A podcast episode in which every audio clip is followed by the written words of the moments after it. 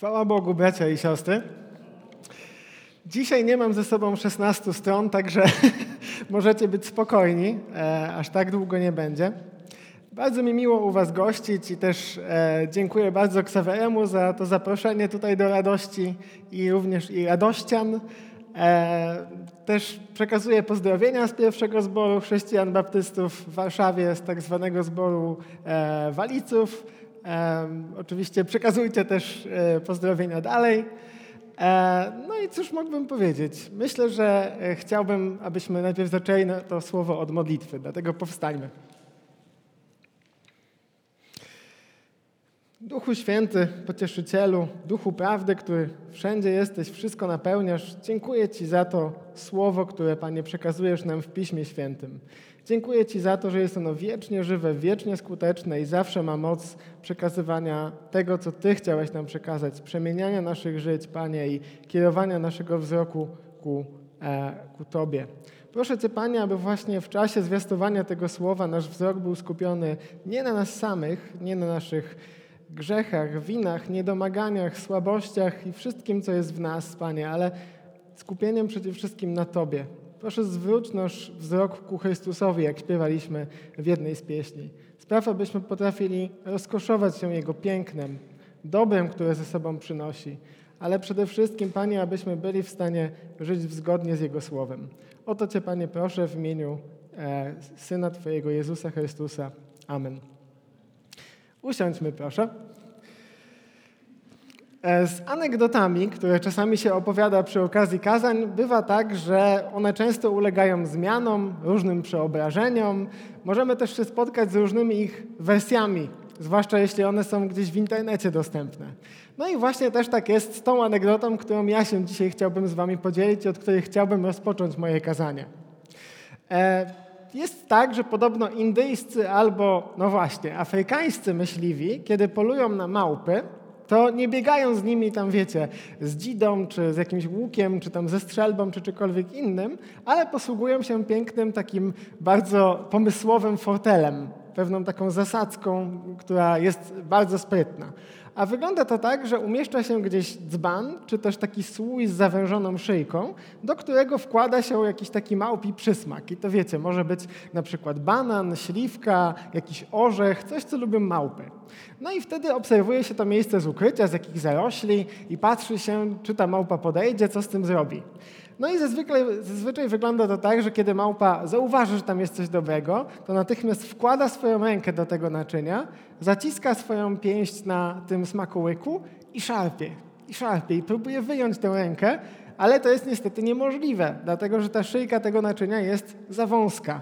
W związku z tym małpa jest bardzo zdenerwowana, nie wie co zrobić, szamocze się, skacze, próbuje coś z tym zrobić, ale co ciekawe, nigdy nie puszcza tego jedzenia cały czas trzyma tą pięść zaciśniętą i nie chce puścić.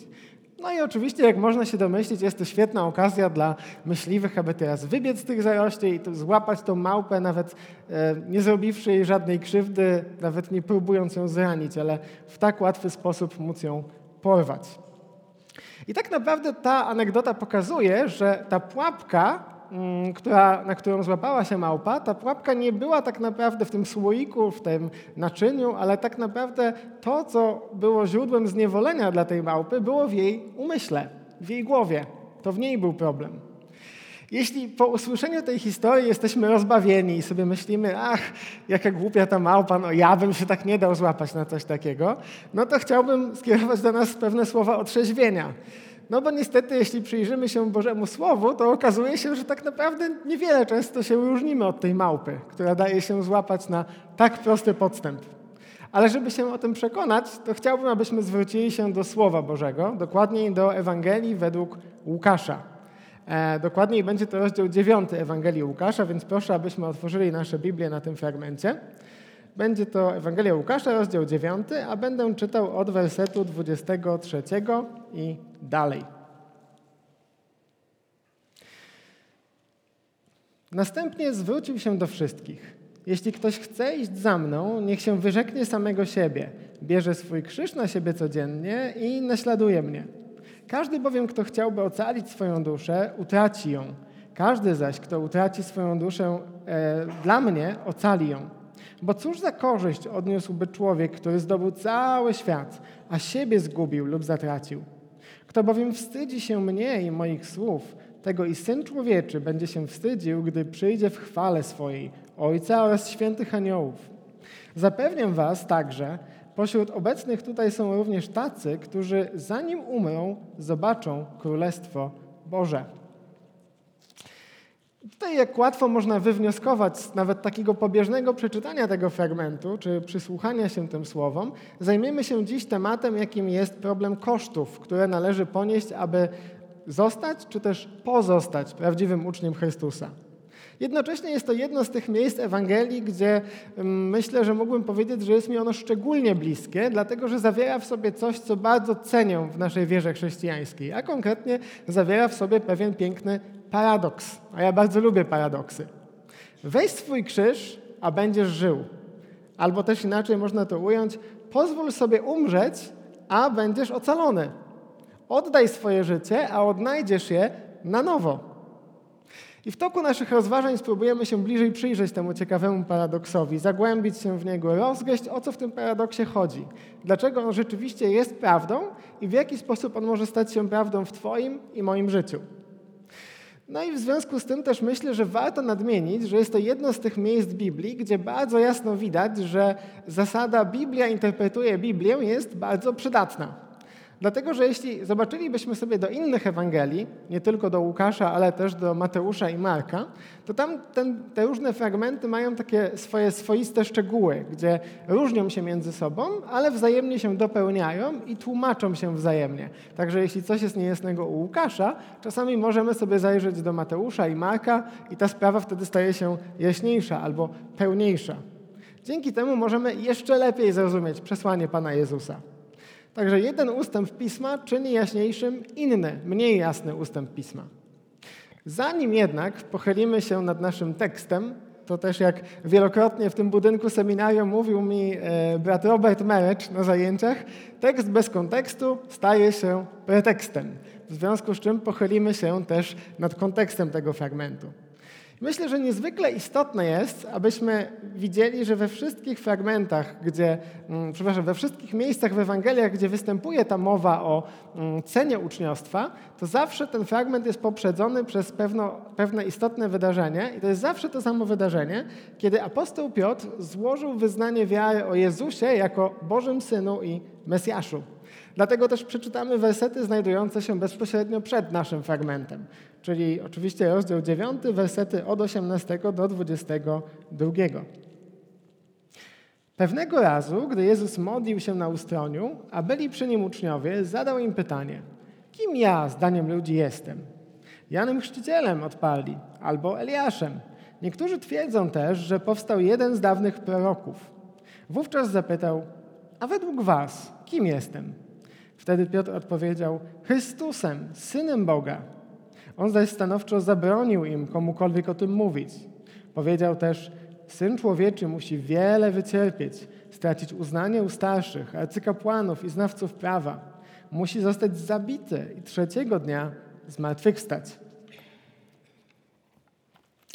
Jezus, jak mogliśmy usłyszeć, zapytał uczniów, jakie opinie krążą na jego temat wśród ludzi.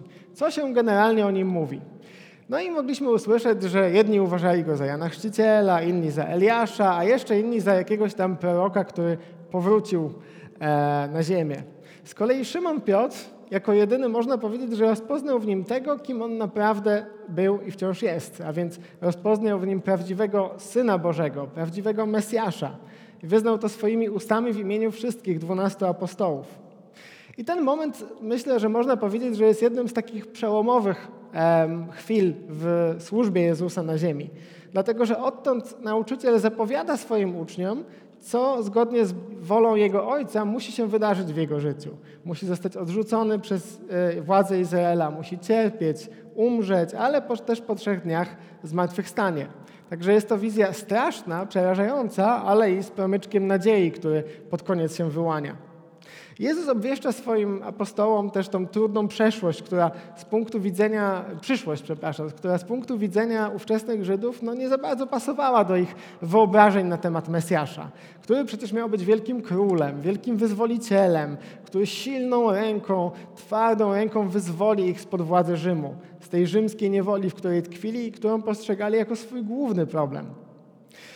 No i ta informacja o tym, że Mesjasz ma zostać zabity, wzbudziła oczywiście duże zdziwienie, a nawet czasami i sprzeciw ze strony uczniów. I możemy się o tym przekonać, kiedy zajrzymy sobie do Ewangelii Mateusza, gdzie Piotr zostaje tak mocno upomniany za swoją reakcję na tę wieść.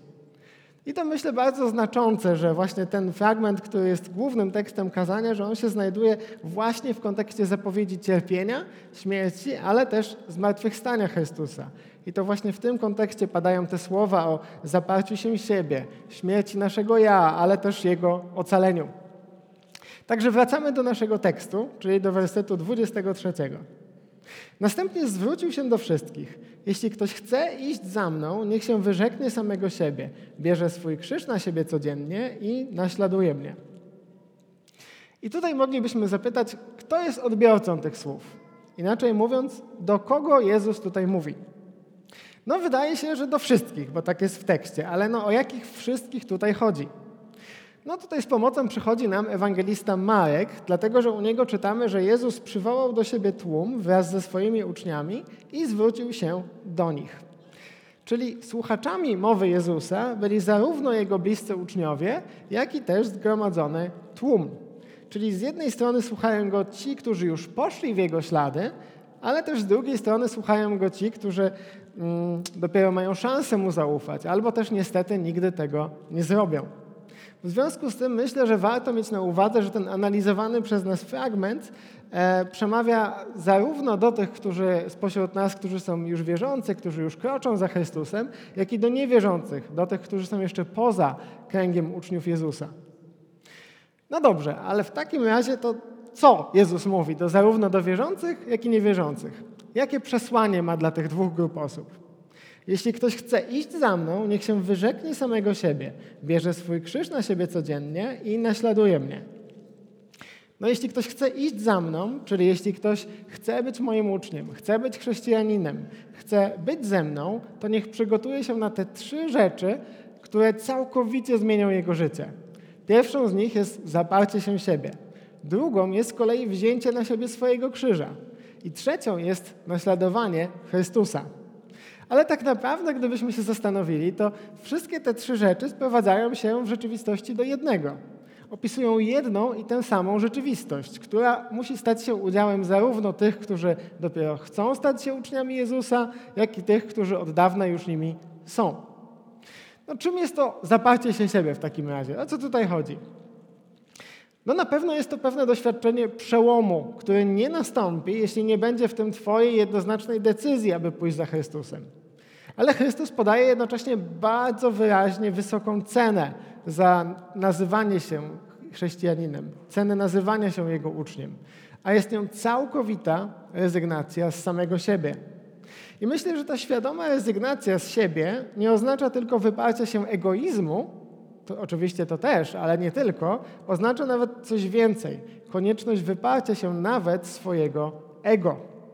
Wszystko, czymkolwiek byłeś przed poznaniem Jezusa, wszystko, czymkolwiek się zajmowałeś, wszystko, co było ci drogie, wszystkie miejsca, w których pełniłeś ważne role, wszystkie środowiska, w których nawiązywałeś jakieś budujące relacje, wszystko to musisz złożyć u stóp swojego Pana i Zbawiciela, jako Jego, nie Twoją własność.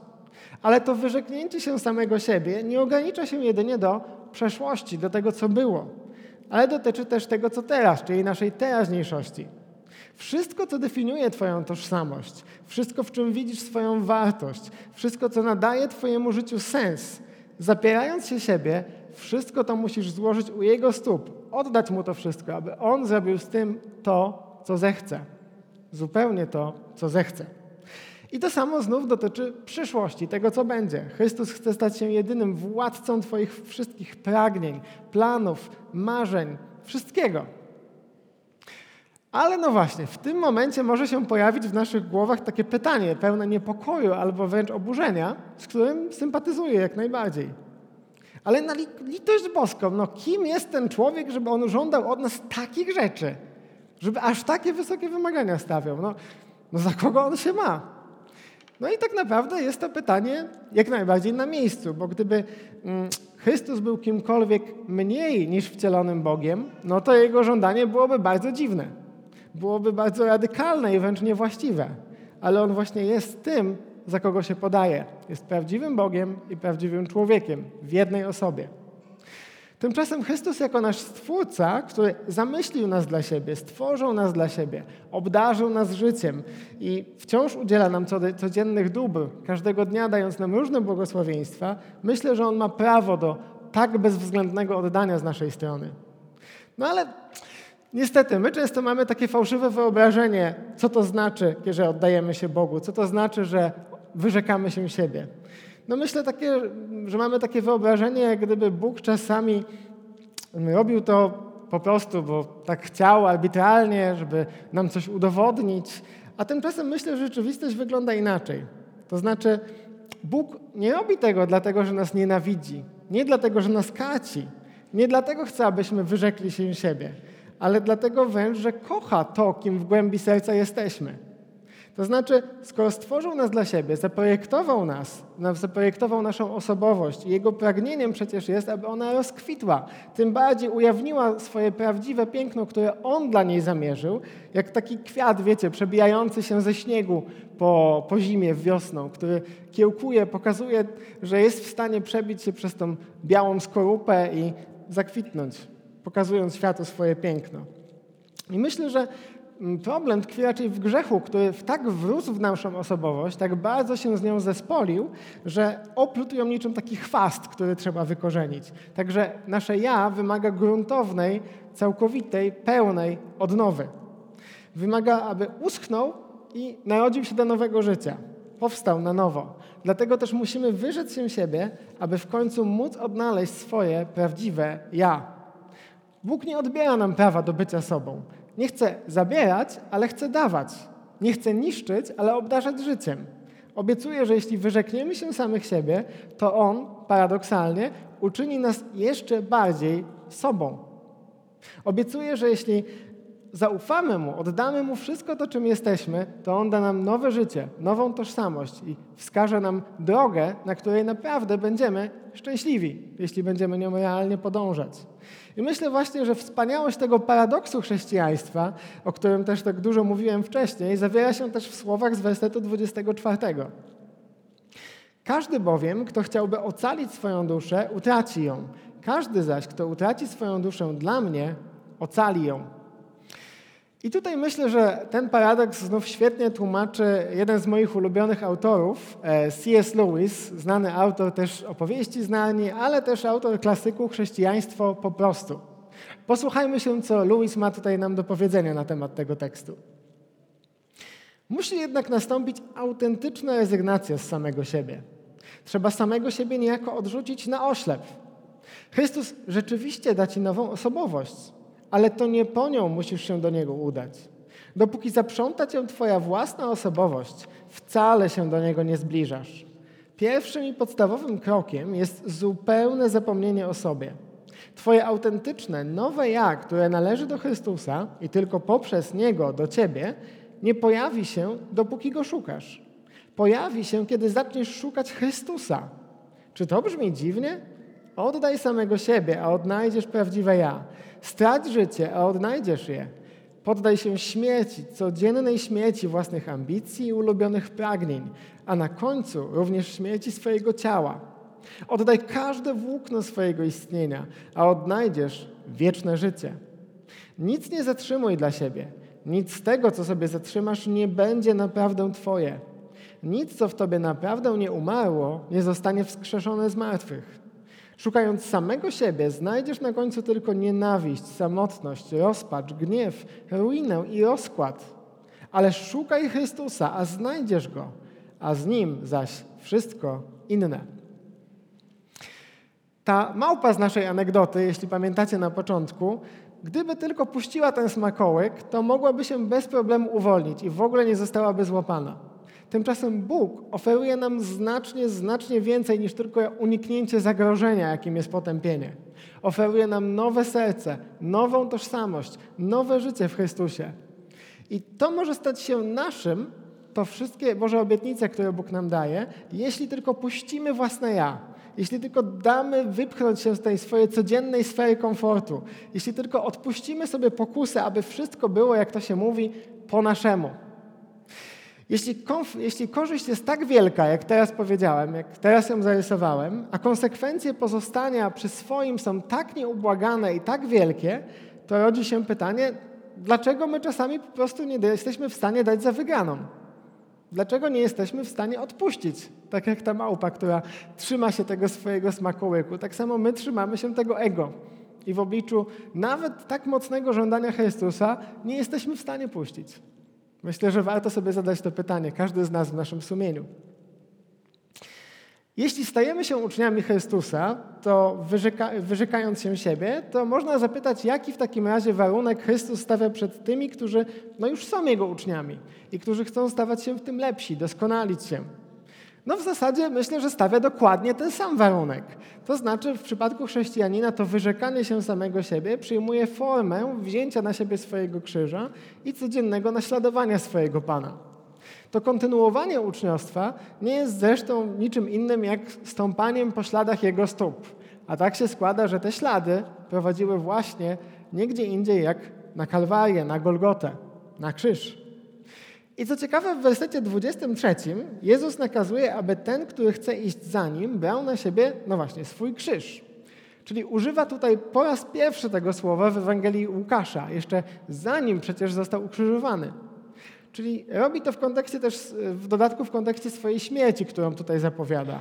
Czyli można powiedzieć, że daje tutaj słuchaczom swojej mowy taką ukrytą wskazówkę co do tego, jakim sposobem umrze. Mimo, że zupełnie był niewinny, był doskonałym barankiem Bożym, to zostanie zabity na rzymskim narzędziu egzekucji dla najgorszych przestępców i burzycieli porządku społecznego. I w życiu każdego wierzącego sądzę, że branie tego krzyża i podążanie za Chrystusem będzie się realizowało nieco inaczej, dlatego że mamy przecież różne powołania, różne misje, różne role do wypełnienia w tym świecie. Ale myślę, że zawsze będzie ono postępowało według pewnej ogólnej zasady, którą już C.S. Lewis nam tutaj opisał, a którą podsumowałbym w takich słowach. Im mniej dążymy do bycia sobą, tym więcej jest w nas Chrystusa. A im więcej jest w nas Chrystusa, tym bardziej jesteśmy sobą. Powtórzę jeszcze raz. Im mniej dążymy do bycia sobą, tym więcej jest w nas Chrystusa. A im więcej jest w nas Chrystusa, tym bardziej jesteśmy sobą. I w przypadku wielu chrześcijan, trzeba to powiedzieć e, wprost, często chodziło o dosłowne wzięcie na siebie swojego krzyża. Innym razem o gotowość do zniesienia wielkich cierpień dla Ewangelii. Ale też e, myślę, że warto powiedzieć o tym, że ta rzeczywistość nie jest tylko kwestią historii, jakichś tam prześladowań w Rzymie, ale jest rzeczywistością w życiu całych pokoleń chrześcijan również dziś. W takich krajach jak Korea Północna, Somalia, Chiny, to niestety wciąż trwa. Jednak w stosunku do nas, którzy możemy cieszyć się jednak względną wolnością wyznania w tym kraju, no to nakaz Chrystusa również pozostaje w mocy. W żaden sposób się nie dezaktualizuje, nie przedawnia. Jeden z ojców Kościoła Zachodniego, Hieronim ze Strydonu, w taki ciekawy sposób sparafrazował słowa Jezusa. Jeśli wasza dusza nie została tak przygotowana na krzyż, jak moja była przygotowana dla was, nie możecie być moimi uczniami. Czyli nawet jeśli nie stajemy być może w obliczu konieczności oddania naszego fizycznego życia za Chrystusa, to wciąż jesteśmy zobowiązani do przygotowania naszych dusz, jak gdyby na krzyż. Dlatego, że to On po raz pierwszy, On pierwszy nas w ten sposób umiłował, będąc gotowy nawet umrzeć dla naszego zbawienia. I właśnie to mniej dosłowne, ale myślę, że też nam bliższe znaczenie tych słów z Ewangelii Łukasza, e, właśnie na nie zwraca uwagę ewangelista. I myślę, że świadczy o tym ten przysłówek, który występuje tylko u Łukasza, a konkretnie codziennie, gdzie mowa jest o braniu swojego krzyża na siebie codziennie. Te słowa u Marka i Mateusza nie występują, a u Łukasza właśnie tak. No dobrze, ale co to oznacza w praktyce dla każdego z nas? Co, na czym polega to codzienne branie na siebie swojego krzyża? No myślę, że oznacza mniej więcej tyle, chociaż to nie jest wyczerpująca lista przykładów, że w kryzysowej sytuacji nie zrzucisz problemu na innych, ale podejmiesz się pomocy cierpiącemu, nawet jeśli sam wolałbyś odpocząć. Jeśli Bóg będzie ci kazał milczeć, tam gdzie zazwyczaj chętnie byś się odezwał, a być może nawet komuś wygarnął, bo taki masz niestety wadę i taki zwyczaj, to wbrew sobie zachowasz milczenie. Ale z kolei jeśli Pan powoła cię do mówienia, tam gdzie z powodu swojego usposobienia wolałbyś milczeć, nie odzywać się, pozostawać w cieniu, bo tak, tak masz w zwyczaju, to mimo tego wbrew sobie z odwagą powiesz to, co dobre, prawdziwe i słuszne. Z kolei zmagając się ze swoim grzechem, który męczy cię od lat, a być może już tracisz w ogóle nadzieję, czy da się w ogóle z tym grzechem walczyć, ciągle odnosisz porażki, to mimo to nie uznasz, że taki po prostu jesteś, ale dalej z Bożą pomocą będziesz mówił temu grzechowi kolejny raz, nawet setny raz, nie. Branie swojego krzyża niejednokrotnie będzie polegało na tym, że będziemy musieli wyrzeknąć się, wyrzec się tego, co naturalne dla nas, typowe, to, co byśmy zwykle zrobili. Ale nie jest to warte tego, jak przekazuje Chrystus, dlatego że On ma dla nas inny plan, ma dla nas inną ścieżkę życiową, do której nas powołuje. Ale dlaczego nie, nie tylko można, ale wręcz należy, trzeba iść tą drogą? No myślę, że dlatego, że wszelka droga prowadzi donikąd, a na jej końcu czeka nas nic więcej, jak tylko zatracenie naszej tożsamości. Dlatego w wersecie 25 Jezus zadaje bardzo ciekawe pytanie retoryczne. Bo cóż za korzyść odniósł człowiek, który zdobył cały świat, a siebie zgubił lub zatracił? No i odpowiedź na to pytanie wydaje się, myślę, jasna. Żadną. Nie odniósł żadnej korzyści. Odniósł tylko potworną, wielką, ogromną stratę. Każda z tych rzeczy doczesnego świata, a nawet wszystkie razem wzięte, są bezwartościowe w obliczu utraty samego siebie i to utraty na wieczność. I w tym miejscu Mateusz dodaje też inne pytanie retoryczne, którego nie ma u Łukasza. Albo co człowiek da w zamian za swoją duszę, tam czytamy. No odpowiedź tutaj znów brzmi oczywiście nic.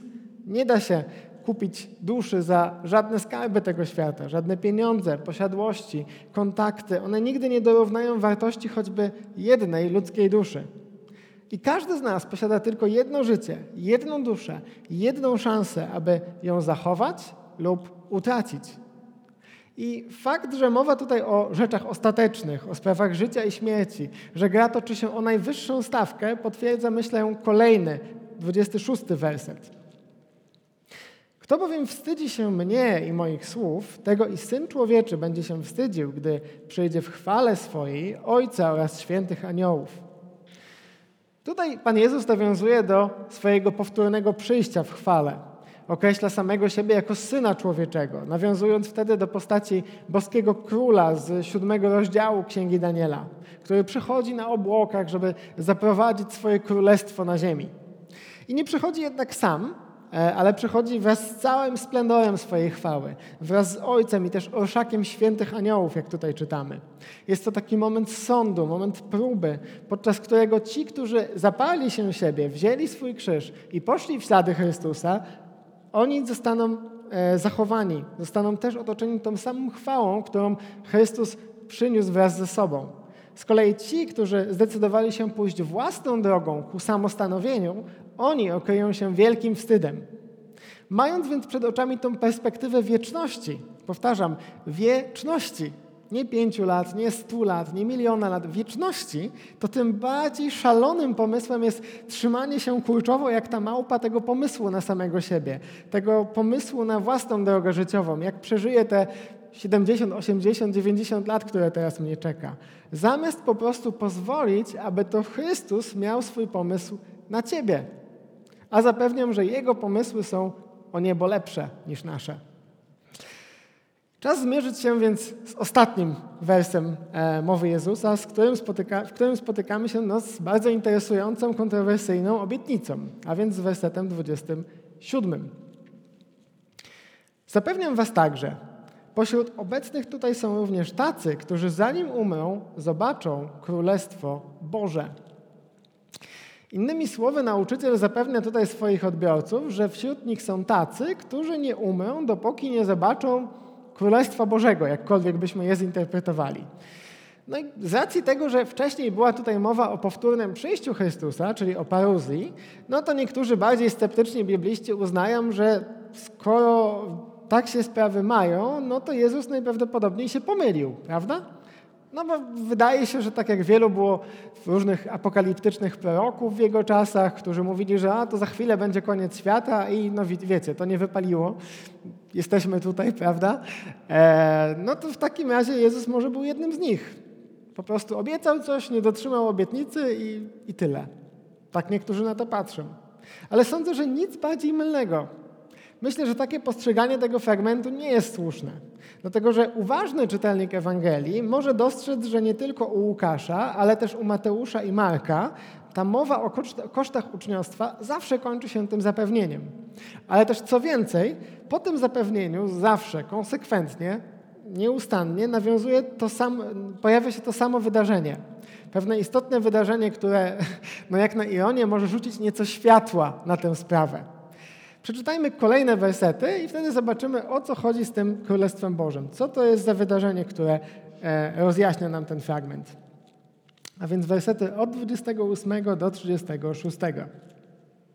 Mniej więcej 8 dni po tej wypowiedzi Jezus wziął ze sobą Piotra, Jana oraz Jakuba i udał się na górę na modlitwę. A w czasie modlitwy wygląd jego twarzy zmienił się, a jego szata zaczęła połyskiwać bielą. Rozmawiali z nim też dwaj mężczyźni. Byli to Mojżesz i Eliasz. Ukazali się oni w chwale i mówili o jego odejściu, które miało nastąpić w Jerozolimie. Tymczasem Piotra i jego towarzyszy ogarnęło senne znużenie. Kiedy się jednak ocknęli i zobaczyli chwałę tych dwóch mężczyzn przy, nim, przy nich, gdy mężczyźni się z nim rozstawali, Piotr powiedział wtedy do Jezusa: Mistrzu, dobrze nam tu być. Rozbijmy trzy namioty: jeden dla ciebie, jeden dla Mojżesza, jeden dla Eliasza. Nie zdążył dokończyć tych słów, gdy pojawił się obłok i okrył swoim cieniem, a przy wchodzeniu w obłok przestraszyli się. Z obłoku natomiast rozległ się głos: To jest mój syn, mój wybrany, jego słuchajcie. Kiedy zapadła cisza, Jezus znów był sam. Oni zaś zatrzymali dla siebie to, co zobaczyli, i w tych dniach nic nikomu o tym nie mówili. Na górze przemienienia uczniowie zobaczyli Syna Bożego w całej chwale, którą cieszył się wcześniej w niebie. No, musiał być to bardzo spektakularny widok, skoro wygląd jego, jego e, oblicza odmienił się, a szata jego stała się biała i lśniąca. No i w dodatku Mojżesz i Eliasz, figury bardzo ważne dla Żydów ówczesnych czasów, wielcy prorocy, prawodawcy, oni również ukazali się w chwale. I co więcej, jakby jeszcze tego było mało, to z obłoku przemówił do nich sam Bóg Ojciec, którego głos można było usłyszeć normalnie. No i jak w taki sposób to wydarzenie, które tutaj przeczytaliśmy, o którym, to jak to wydarzenie mogłoby zostać nieuznane właśnie za zobaczenie Królestwa Bożego? Przez cały Nowy Testament można powiedzieć, że jak nić Ariadny przez ten mityczny labirynt przewija się ten motyw Królestwa Bożego, które z jednej strony już nadeszło, jest już wierzących, ale z drugiej strony ma się dopiero objawić i pokazać pełną chwałę, pełną swoją świetność w przyszłości. No i to królestwo pojawiło się wraz z pierwszym przyjściem Chrystusa na ziemię, ale zajaśnieje swoim pełnym splendorem i blaskiem dopiero przy jego powtórnym przyjściu. Także kiedy Piotr, Jakub i Jan dostrzegli przemienionego Chrystusa, zobaczyli tym samym nic innego, jak właśnie chwałę nadchodzącego Królestwa Bożego. I to właśnie do tego Królestwa Chrystus zaprasza mnie, Ciebie i nas wszystkich, jak tutaj jesteśmy, wskazując nam jednocześnie wcześniej drogę, która do Niego prowadzi mówiąc jak gdyby, jeśli ktoś chce iść za mną na górę przemienienia, na górę tabor i zobaczyć Królestwo Boże, niech się wyrzeknie samego siebie, bierze swój krzyż na siebie codziennie i naśladuje mnie. Droga do chwały biegnie więc przez krzyż. I nie da się tego krzyża ominąć ani w lewo, ani w prawo, ale droga do chwały, na którą wszyscy czekamy, jak wierzę, biegnie właśnie przez krzyż. Bracia i siostry, zbliżam się już powoli do końca mojego e, rozważania w tym miejscu, ale w ramach podsumowania naszej wspólnej refleksji chciałbym zostawić nas z dwoma wnioskami. Jeden z tych wniosków jest skierowany przede wszystkim do tych, którzy dopiero chcieliby zostać uczniami Chrystusa, ale jeszcze stoją z boku. Natomiast drugi wniosek jest skierowany do tych, którzy już nimi są i już są chrześcijanami.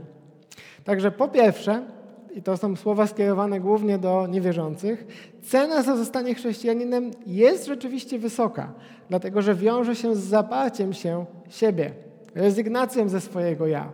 Polega na zupełnym wyrzeczeniu się swojego ego wraz z jego osiągnięciami, zwyczajami, pragnieniami. Także jeśli wciąż stoisz na rozstaju dróg, wahasz się, którą z tych dwóch dróg wybrać, to chcę Ci powiedzieć, że każda inna droga doprowadzi Cię do utraty tego, co tak bardzo boisz się oddać.